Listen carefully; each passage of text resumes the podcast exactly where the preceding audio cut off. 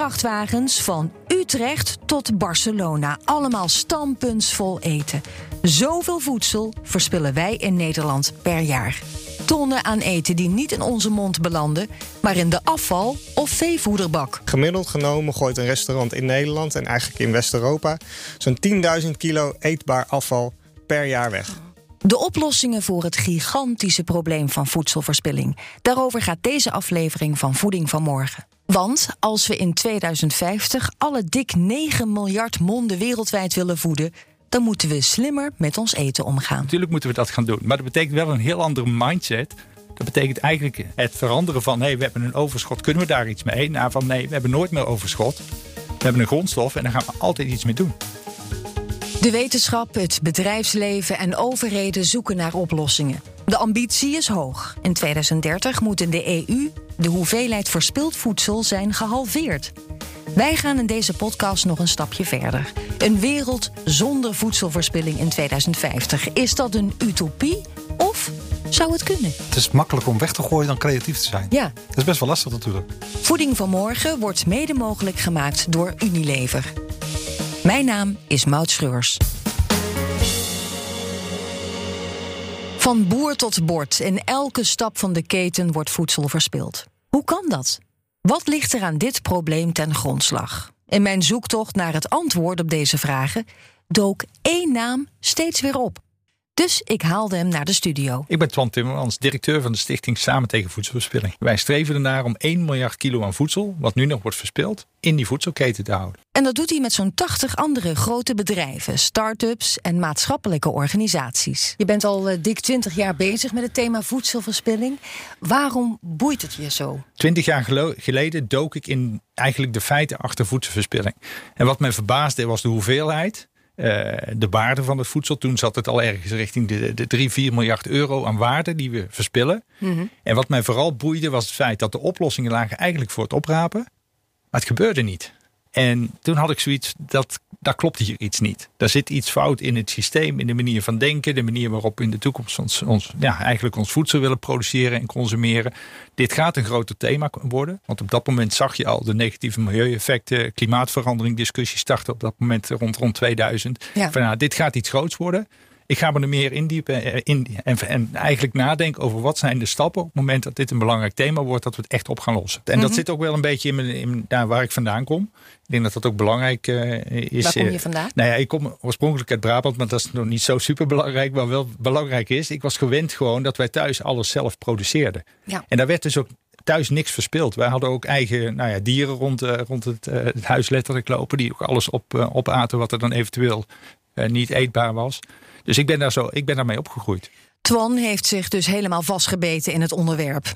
Hij zet de cijfers op een rij. Als we kijken naar Nederland, dan jaarlijks tussen de 1,7 en de 2,5 miljoen ton aan voedsel. die eigenlijk gegeten had kunnen worden, die niet ja, bij de mensen thuis uh, in, in de mond belandt. Hoeveel kilo uh, gooien we ook alweer in de, in, in de kliko per nou, jaar per huishouden? Zelf per persoon 34 kilo aan vast voedsel. Maar ja? in die hele keten is het dus tussen de 100 en de 150 kilo per persoon per jaar. Ja, dat is gigantisch. Wereldwijd wordt naar schatting een derde van het voedsel verspild. En dat is 1,3 miljard ton. Maar volgens Twan moeten we ons niet doodstaren op de hoeveelheden. Maar wat denk ik belangrijker is, het gaat niet alleen over die hoeveelheden, het gaat ook over het negatief impact. En we zien steeds meer bewijs dat willen we, en, en, ja, daar is volgens mij geen discussie meer over. Klimaatverandering is echt. Willen we daar iets aan doen, dan zullen we onze grondstoffen beter moeten uh, benutten. Kijken we naar biodiversiteit, natuurlijk zichtbaar uh, kap van, van regenwouden. Heeft bijna allemaal met het voedselsysteem te maken. En hoeveel procent van de broeikasuitstoot is direct te, te leiden na die verspilling? Nou, heel direct is zo'n 6 tot 8 procent. Dus dat is gigantisch veel. Verse producten die snel achteruit gaan in kwaliteit. Die behalen het minst vaak ons bord. Als je naar de hele keten kijkt, dan worden groente en fruit, zuivelproducten en brood het meest verspild. Consumenten, ja, jij en ik dus, zijn de grootste verspillers. Maar ook bij boeren en telers gaat veel voedsel verloren. Supermarkten en fabrieken gaan juist vrij efficiënt om met voedsel. Kun je me uitleggen wat ten grondslag ligt aan die voedselverspilling? Ja, nou, daar, daar, spelen heel veel factoren. Bij consumenten, de grootste verspilling zit bij gezinnen met jonge kinderen. En dat is echt niet zo, omdat die bewust te veel uh, kopen of te veel uh, slordig omgaan met voedsel. Het mhm. heeft ook te maken met de drukte van de dag, de beperkte tijd die we besteden aan het, uh, aan het, aan het plannen, het koken enzovoorts.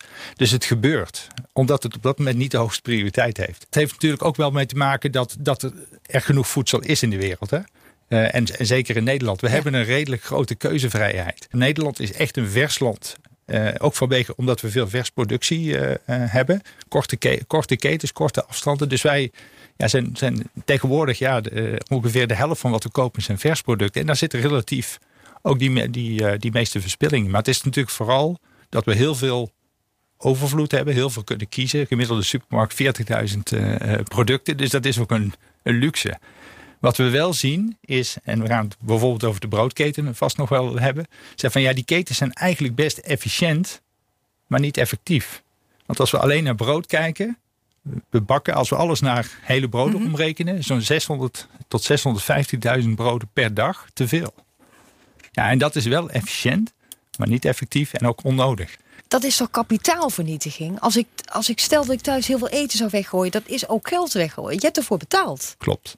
En dan zeg ik altijd, dan is het eigenaarschap misschien niet heel goed geregeld. In Nederland is het voedsel heel goedkoop. Dus dat is een factor die, eh, die een rol speelt. Naast dat het natuurlijk overvloedig beschikbaar is. Maar het zit ook in de bewustwording. Wij hebben gezien dat op het moment dat mensen meer bewust worden van zowel de negatieve effecten van die verspilling, maar ook hoeveel ze eigenlijk zelf verspillen en hoe je eigenlijk heel makkelijk daar iets aan kunt doen, ja, dat dat, dat eigenlijk een no-brainer voor heel veel mensen is.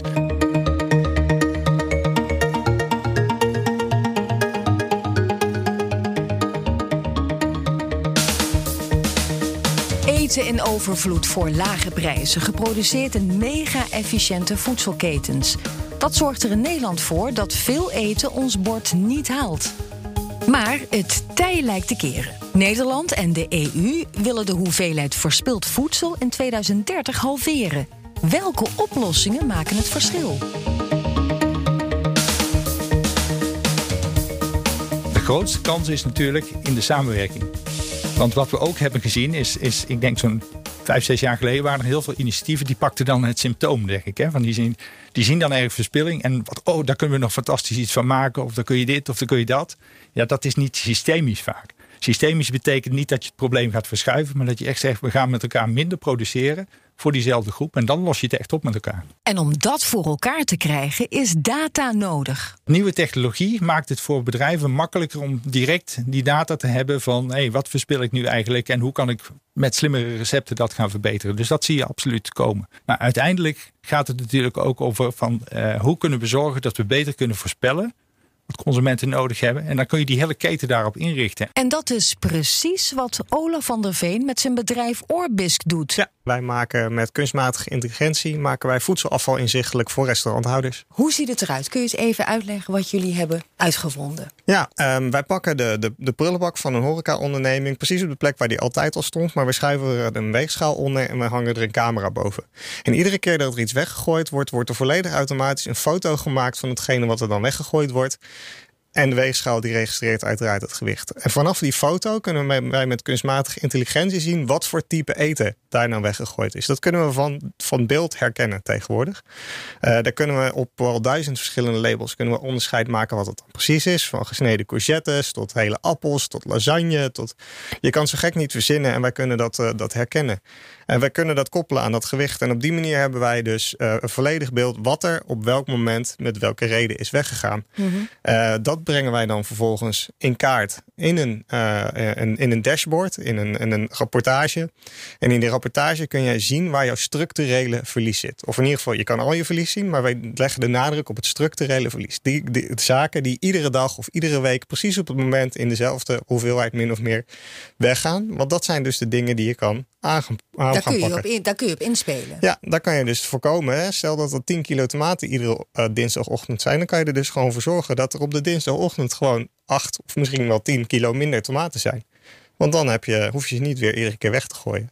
Ja, en kun je dan uitleggen hoe, die, hoe de chefs in de keuken jullie technologie dan gaan toepassen? Hoe ze dat gaan vertalen aan de hand van eh, die beelden die jullie maken? Ja, Binnen die eerste drie maanden uh, helpen we die chef dan ook daadwerkelijk te zien van hè, wat, wat zijn die patronen dan en wat, wat kan je eraan doen. Dus op verschillende momenten, met name in de eerste 100 dagen, checken wij in. Iemand van ons die met jou meekijkt naar de data van oké, wij zien dit. Mhm. Wat zie jij? Laten we daar samen een doel op stellen. En over twee weken bel ik je weer terug en dan gaan we kijken of het gelukt is. En dan gaan we gewoon weer een nieuw doel stellen. En langzaam maar zeker helpen we dan eerst die chef, de belangrijkste persoon in die keuken. Helpen we om, om kaas te maken van die data.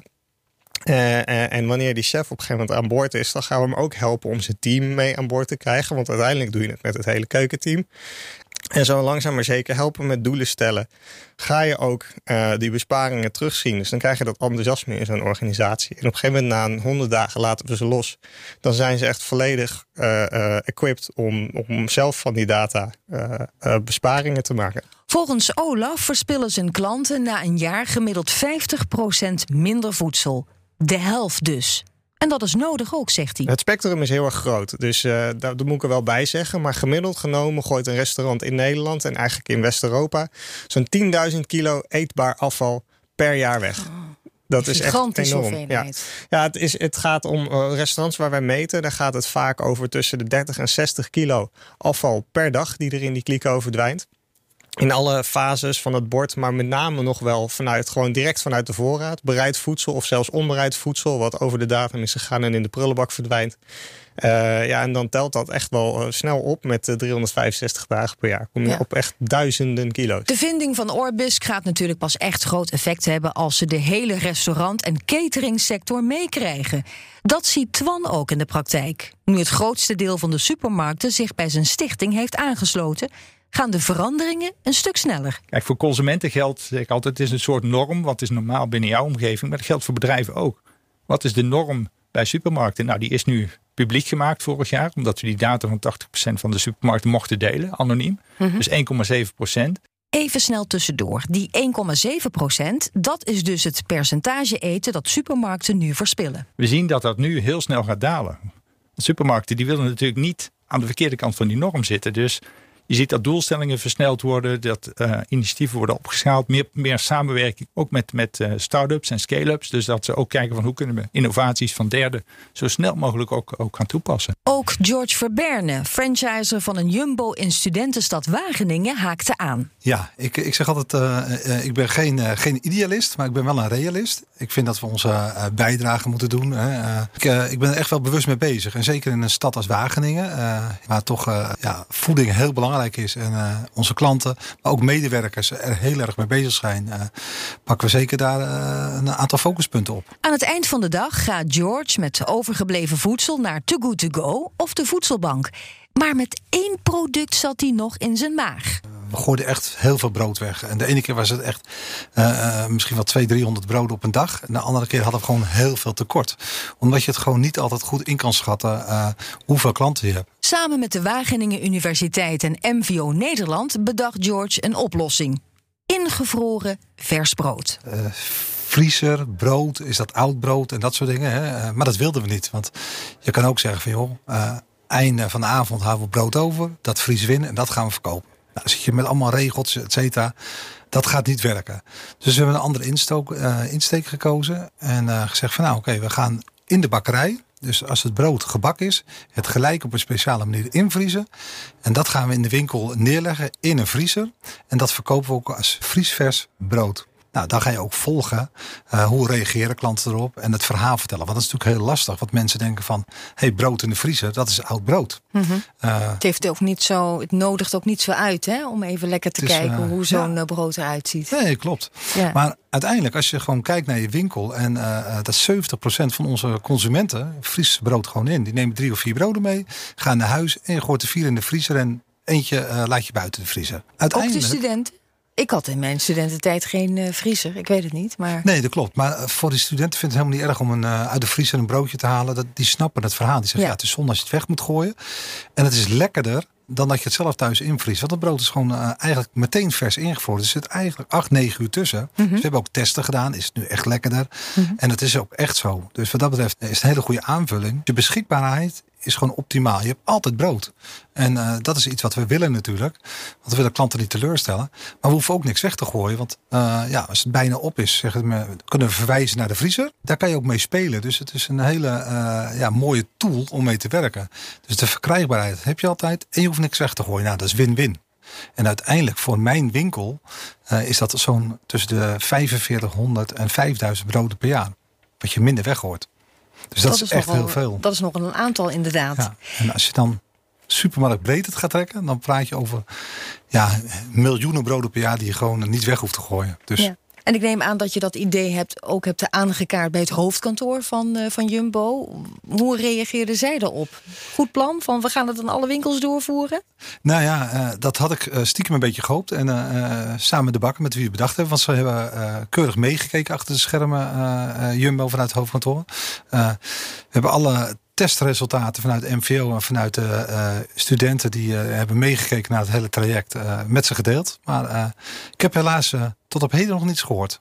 Weer even terug naar het grotere plaatje. Wereldwijd gaat een derde van ons voedsel dus verloren, met alle gevolgen van dien. Terwijl we in het Westen eten en overvloed hebben, komen ze in andere delen van de wereld juist tekort. Volgens Twan dringt dat besef steeds meer door. Ik denk dat twintig jaar geleden, toen ik in dit onderwerp stapte, ging, was de, de reden om iets te doen was toch wel ja, zonde van het geld. Mhm. Maar het gaat nu over, over hele andere dingen. Het gaat over klimaat, biodiversiteit. En een belangrijke factor die erbij gekomen is, dat voedsel had eigenlijk ja, voor iemand anders kunnen zijn. En we zien natuurlijk toch nog 700 miljoen mensen op, uh, op de wereld die gewoon geen of onvoldoende toegang hebben tot goed voedsel. En daar zie je steeds meer modellen ontstaan. We kunnen natuurlijk niet die boterham naar Afrika sturen, dat, dat idee, maar wel dat je eigenlijk ketensamenwerking ontstaan, ziet ontstaan van hoe kunnen we zorgen dat we zelf iets goed doen, maar dat ook die mensen uh, die, die het nodig hebben, dat die ook goed voedsel krijgen. En dat zijn de modellen van de toekomst. Maar dat vereist dus wel een hele nieuwe manier van denken. Ik ga wel aan, de grote verspilling zit bij ja, de producenten, de telers, de handelaren. Alleen die kunnen er vaak op dat moment niet zo heel veel mee. We zijn nu aan het kijken hoe kun je die producten dan toch gaan verwerken of op een andere manier beschikbaar maken voor mensen die dat nodig hebben, maar dan op grote, grote schaal. We zien al bedrijven die dat doen, scale-ups, verspillingsfabriek, Instock, The Good To Go. Hoe kun, wat als we nu tegen al die producten zeggen van wij gaan daar iets nuttigs mee doen. Nou, daar zie je dat nu heel veel uh, momentum ontstaat over hele ketens van hey, dat, ja, waarom niet? Natuurlijk moeten we dat gaan doen. Maar dat betekent wel een heel andere mindset dat betekent eigenlijk het, het, het veranderen van hey, we hebben een overschot, kunnen we daar iets mee? Nou, van nee, we hebben nooit meer overschot. We hebben een grondstof en daar gaan we altijd iets mee doen.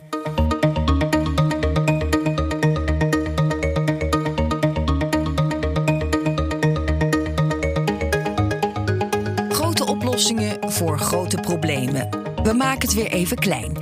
Bij jou thuis dus, de consument. Is die eigenlijk wel bezig met het onderwerp of is er vooral desinteresse? Ik denk niet dat het desinteresse is, want we zien wel, en dat meten we ook, ook, ook jaarlijks, eh, samen met het voedingscentrum, in wat is het bewustzijn van mensen rondom dit vraagstuk, dat neemt wel toe. Dus er is een grote mate van bewustzijn bij consumenten. Uh, wat we wel zien is dat het vertalen van bewustzijn naar een houding en gedrag, ja, daar valt nog wel een stap te zetten. Mm maar dan zien we wel dat, en, en daar is mijn hoop ook, ook, ook, wel op gevestigd, en dat zien we ook echt wel gebeuren, is dat die nieuwe generatie, op het moment dat je die tijdig meeneemt, ook in voedselvaardigheden, uh, hoe ga je om met, met producten al vanuit de basisschool, dat leidt tot meer kennis en dat leidt ook meer tot meer vertrouwen, bijvoorbeeld over die houdbaarheidsdatum of meer creativiteit. Van hé, hey, ik kan die restjes echt wel in een goed recept ja, uh, meer bewustwording. Nee, klopt. Ja, mensen, uh, ik herken het helemaal. Het is makkelijker om weg te gooien dan creatief te zijn. Ja. En uh, dat is best wel lastig natuurlijk. Ja. Dus het zou heel leuk zijn als er een keer een kookboek komt met een reststroom. Wat kan ik ermee van maken of wat kan ik ermee doen? Ja, ja.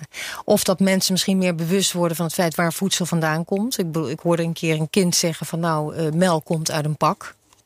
Dat ze ook niet meer weten van een koe, ja. een koe en wat er allemaal gedaan moet worden voordat die melk in dat pak zit voordat het bij jou in de winkel ligt? Nee, klopt. Het, uh, maar het is wel eens heel lastig uit te leggen. Ik, ja. uh, je zou kunnen kijken van uh, ja, met QR-codes en dat soort dingen. Kan je natuurlijk heel veel vertellen. Waar komt die melk inderdaad vandaan? Misschien bij welke boeren. Maar ook een sinaasappel, waar komt die vandaan? Komt die uit Spanje of komt die uit Marokko? En dat soort dingen.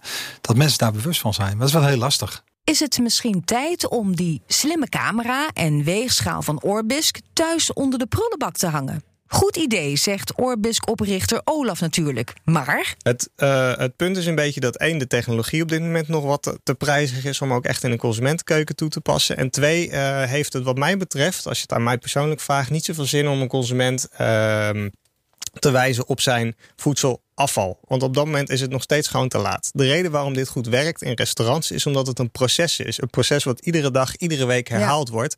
Dus kan je leren over wat er vorige week mis is gegaan. Een consument kan je veel beter helpen door hem uh, uh, in kaart te brengen wat hij nog op moet maken. En ervoor te zorgen dat je voorkomt dat het bij de prullenbak aankomt in de eerste plaats. Dus ik, daar zie ik, op het moment dat die technologie, want het gaat super snel natuurlijk qua prijzen, echt een stuk aantrekkelijker, goedkoper en beter wordt. Dat we consumenten gaan helpen om automatisch in te zien wat hun voorraadkastjes en wat hun koelkast nou nog bevatten. Zodat je op de juiste momenten uh, uh, in kan grijpen en ervoor kan zorgen dat mensen niet weggooien wat er nog was.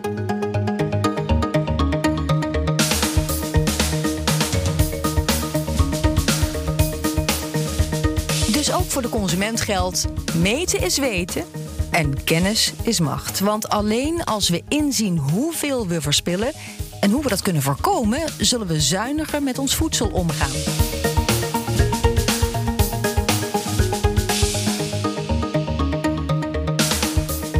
Aan het begin van de aflevering stelde ik een vraag. Een wereld zonder voedselverspilling. Is dat een utopie of zou het kunnen? Daarover zijn de meningen verdeeld. Je hoort achtereenvolgens George, Olaf en tenslotte Twan. Ik denk dat we het nooit helemaal uit kunnen bannen. Uh, we leven in een tijd volgens mij dat mensen ja, toch wel eisend zijn en uh, veel willen. Dus ik denk dat die, dat, dat bijna niet, uh, niet te doen is. Nee, nee. Uh, we, we, willen gewoon uh, lekker eten. We willen, als we nu naar buiten lopen, willen we een supermarkt in kunnen of, of een restaurantje of wat dan ook. Dus alles ik, moet er liggen wat je ja, maar wil. Ja, ja, we zijn denk ik aardig verwend, zeker in Nederland. Ja, ik zeg natuurlijk mogelijkheid. Daar strijden we voor. Ja. Met ons, met andere partners, met, met instituten als, als de Universiteit Wageningen, geloof ik dat het, dat het kan. Maar het zal niet, niet makkelijk zijn. En we zullen er wel ook, laat dat ook duidelijk zijn, concessies voor moeten doen met z'n allen. Want die, die, die waanzinnig voluptueuze ontbijtbuffetten die er tegenwoordig zijn. Ja, dat is op een bepaald moment, als we het echt willen, moet dat wel verleden zijn. Het, het, het zou kunnen. En het, ik, ik ben er ook van overtuigd dat het gaat gebeuren. Maar het is ook een mindset ding. Wat ik, wat ik ook, daarom noemen wij onze campagne ook verspillingsvrij. In, en daar zit nog wel het woord verspilling in, maar er zit ook vrij in. Als het op een gegeven moment de mindset is van hé, hey, we gaan. We, we gaan alles wat we hebben goed gebruiken, zo goed mogelijk. Ja, dan hebben we het ook niet meer over afval. Dan bestaat afval niet meer. Dus ik ben ook eigenlijk onze, onze naam samen tegen voedselverspilling. Dat woord voedselverspilling gebruiken wij zelf zo weinig mogelijk. Het gaat toch wel, we hebben een grondstof die we zo goed mogelijk kunnen gebruiken. Goed. Hoewel voedselverspilling nog altijd een groot probleem is, lijken zowel consumenten als overheden en bedrijven zich er in ieder geval bewuster van te zijn. Sommige oplossingen zijn heel groot, zoals het opnieuw inrichten van hele voedselketens. Maar gelukkig kun je zelf thuis klein beginnen. Dus de volgende keer, als jij zit met wat oude tomaatjes of een stuk vlees aan de datum, trek er een soep van of flans een snelle lunchsalade in elkaar. De manier om het nuttige met het aangename te verenigen. Smakelijk. Vond je hem leuk, deze podcastaflevering van Voeding van Morgen? En wil je er meer beluisteren? Ga dan naar bnr.nl of je favoriete podcast-app.